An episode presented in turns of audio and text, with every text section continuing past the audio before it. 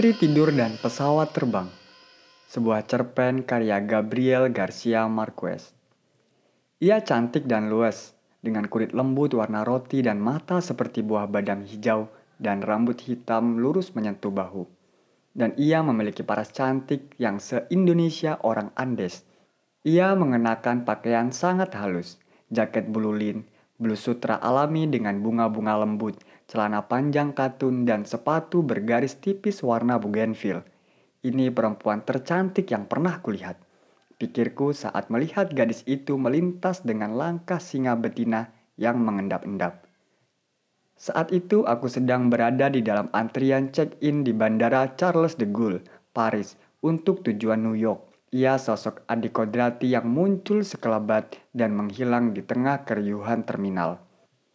Pukul 9 saat itu, salju turun sepanjang malam dan lalu lintas lebih padat dari biasanya di jalan-jalan kota dan lebih merambat di jalur antar kota. Di mana truk-truk trailer berbaris di bahu jalan dan mobil-mobil mengalir di permukaan salju. Namun, di dalam bandara tetaplah musim semi. Aku berdiri di belakang perempuan Belanda tua yang menghabiskan hampir satu jam untuk berdebat tentang berat sebelas kopernya. Saat mulai bosan itulah aku melihat sosok sekelebat yang membuat nafasku tertahan, dan karenanya aku tidak tahu bagaimana percekcokan berakhir. Kemudian, petugas tiket menyadarkan lamunanku dengan suara sengitnya. Sambil meminta maaf, Aku menanyakan kepadanya apakah ia mempercayai cinta pada pandangan pertama.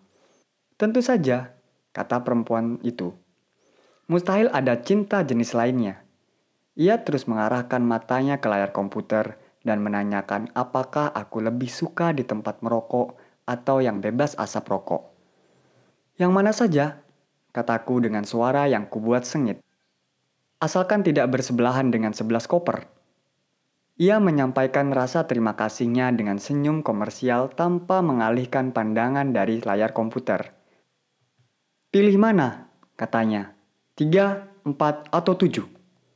Empat. Ia tersenyum penuh kemenangan.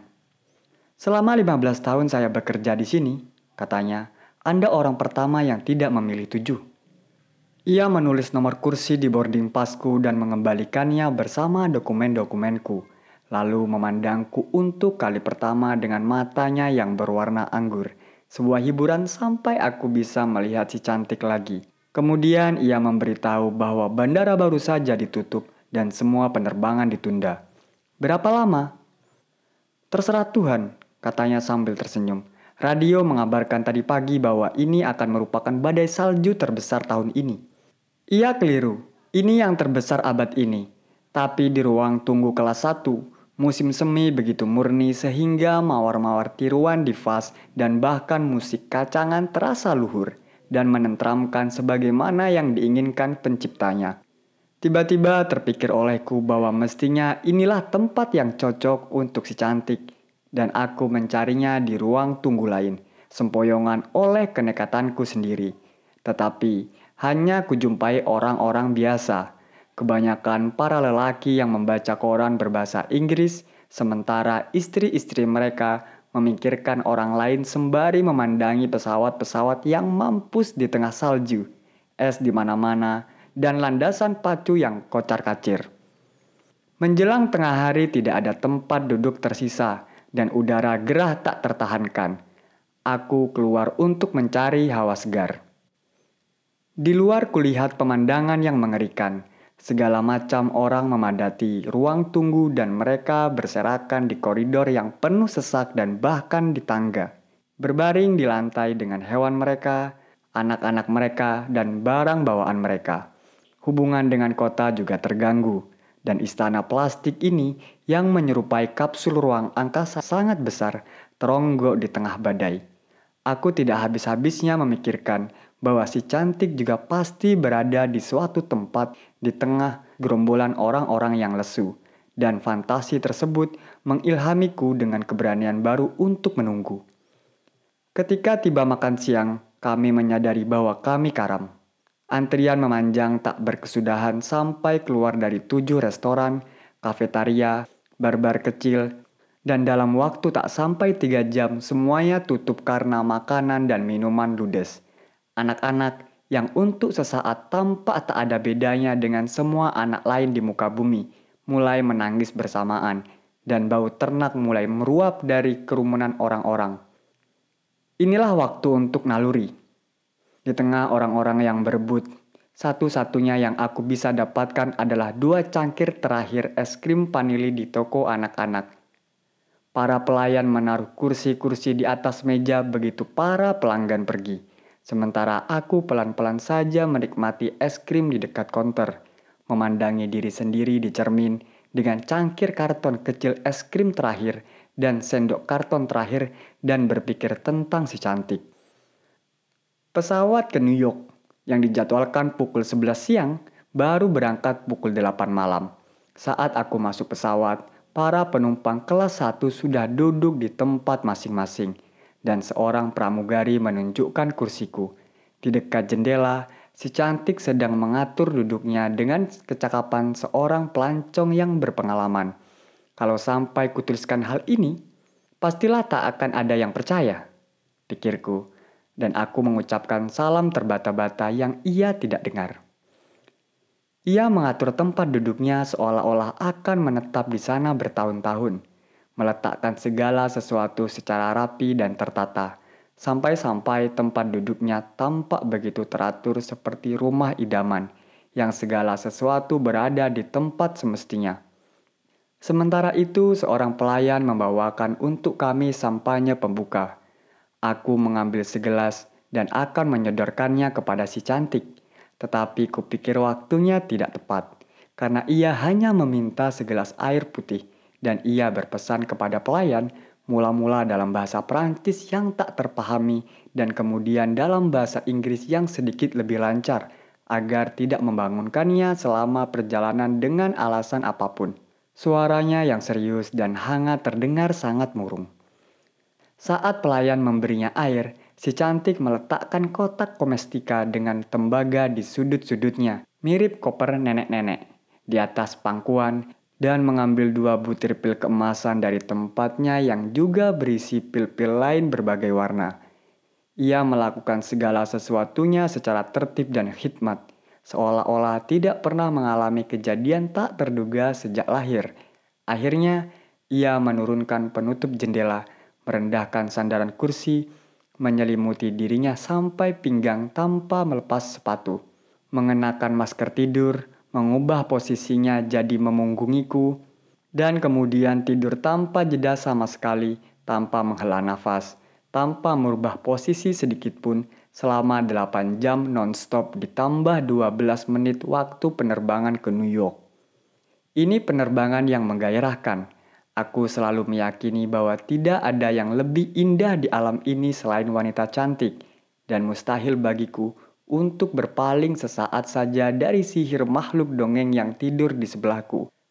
Pelayan lenyap begitu kami mulai terbang dan digantikan oleh pramugari kaku yang mencoba membangunkan si cantik untuk menyerahkan kepadanya kotak perlengkapan cuci muka dan earphone untuk mendengarkan musik. Aku mengulangi pesan yang disampaikan oleh si cantik kepada pelayan, tetapi pramugari ini berkeras ingin mendengarkan sendiri dari mulut si cantik apakah ia juga tidak menginginkan makan malam. Pramugari harus memastikan pesan tersebut, dan dengan nada meremehkan, ia mengatakan kepadaku bahwa si cantik tidak mengalungkan tanda jangan mengganggu di lehernya. Aku makan-makan sendirian, mengatakan dalam hati semua ucapan yang akan kusampaikan kepadanya seandainya ia terjaga. Tidurnya tidak berubah sama sekali sehingga sempat terlintas di benakku rasa cemas jangan-jangan pil yang ditelannya tadi bukan pil untuk tidur, melainkan pil untuk mati. Setiap kali meneguk minuman, aku mengangkat gelas dan bersulang. Untuk kesehatanmu cantik. Ketika makan malam usai, lampu-lampu diredupkan dan film diputar tidak untuk siapa pun, dan kami berdua berpisah di dunia gelap. Badai terbesar abad ini sudah berakhir, dan kami menembus malam yang amat besar dan jernih di atas Atlantik, dan pesawat seperti tak bergerak di antara bintang-bintang. Kemudian aku menekurinya sangat teliti selama beberapa jam dan satu-satunya tanda kehidupan yang bisa kukenali adalah bayang-bayang mimpi yang melintas di dahinya seperti awan di atas perairan. Di lehernya terlilit kalung sangat halus sehingga nyaris tak tampak di kulitnya yang keemasan. Telinganya yang sempurna tidak ditindik, kukunya memerah segar, dan di tangan kirinya ada cincin polos. Karena ia paling banter baru 20 tahun, aku menentramkan diri dengan pikiran bahwa itu bukan cincin kawin, melainkan tanda ikatan sementara saja. Melihatmu tidur tentram, damai, setia menolak murni, sedekat itu dengan tanganku yang terbelenggu. Pikirku di puncak buih sampahnya, menirukan puisi apik Gerardo Digo. Kemudian kuturunkan sandaran kursiku sejajar dengan sandaran kursinya, dan kami berbaring bersama, lebih dekat ketimbang suami istri di ranjang. Suhu nafasnya sehangat suaranya, dan kulitnya menghembuskan nafas sangat halus sehingga hanya tercium aroma kecantikannya. Rasanya luar biasa. Di musim semi lalu, aku membaca novel bagus Yasunari Kawabata tentang para borjuis kuno dari Kyoto yang membayar mahal untuk melewatkan waktu bersemalaman mengamati gadis-gadis paling cantik di kota mereka, telanjang dan terbius. Sementara di ranjang yang sama, para borjuis itu disiksa oleh cinta. Mereka tidak boleh membangunkan atau menyentuh gadis-gadis itu, bahkan mencoba pun tidak boleh, karena inti dari kesenangan tersebut adalah melihat mereka tidur. Malam itu, saat aku memandang si cantik sedang pulas, tidak hanya aku jadi memahami kesenangan orang-orang pikun itu, tetapi benar-benar mengalaminya. Siapa sangka, pikirku, keterpurukanku diperburuk oleh sampahnya bahwa aku akan menjadi orang Jepang kuno di masa sekarang. Kupikir aku tertidur beberapa jam, dihajar oleh sampahnya dan ledakan tanpa suara di film – dan kepalaku sedikit pening ketika aku bangun. Aku pergi ke kamar kecil, dua kursi di belakangku, wanita tua dengan sebelas koper berbaring berantakan. Seperti mayat di medan perang. Kacamata bacanya dengan rantai manik-manik berwarna-warni jatuh di lantai dan sesaat aku menikmati perasaan dengki untuk tidak mengambilkannya. Setelah terbebas dari pengaruh sampahnya, aku memandangi diriku sendiri tampak buruk dan hina, dicermin dan takut bahwa kehancuran oleh cinta bisa sedemikian mengerikan. Pesawat tiba-tiba terguncang dan kemudian meluruskan jalannya dan terus melaju dengan kecepatan penuh.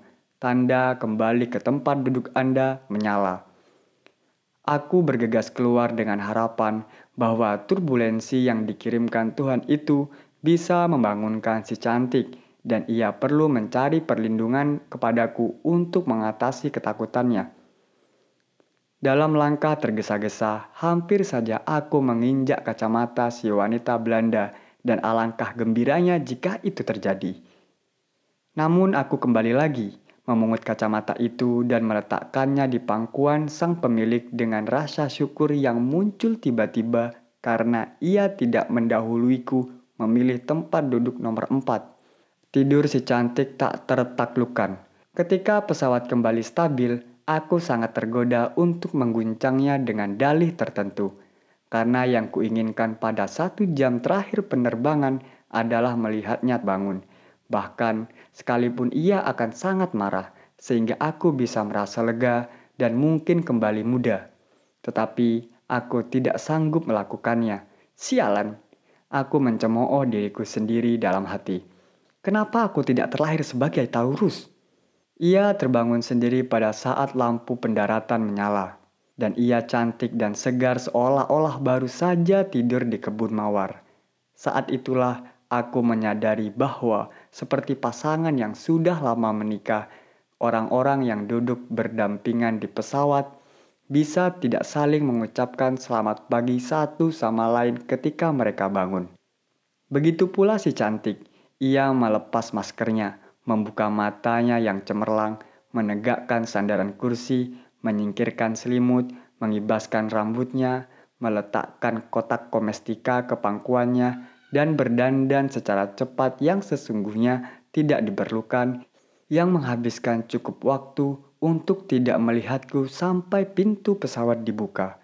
Kemudian ia mengenakan jaket bulunya, nyaris jatuh saat melewatiku, dan mengucapkan maaf ala kadarnya dalam bahasa Spanyol Amerika Latin, berlalu tanpa mengucapkan selamat tinggal atau setidaknya terima kasih atas segala yang telah kulakukan untuk membuat perjalanan kami menyenangkan dan menghilang di terik matahari hutan Amazon New York. Cerita pendek ini diterjemahkan oleh AS Laksana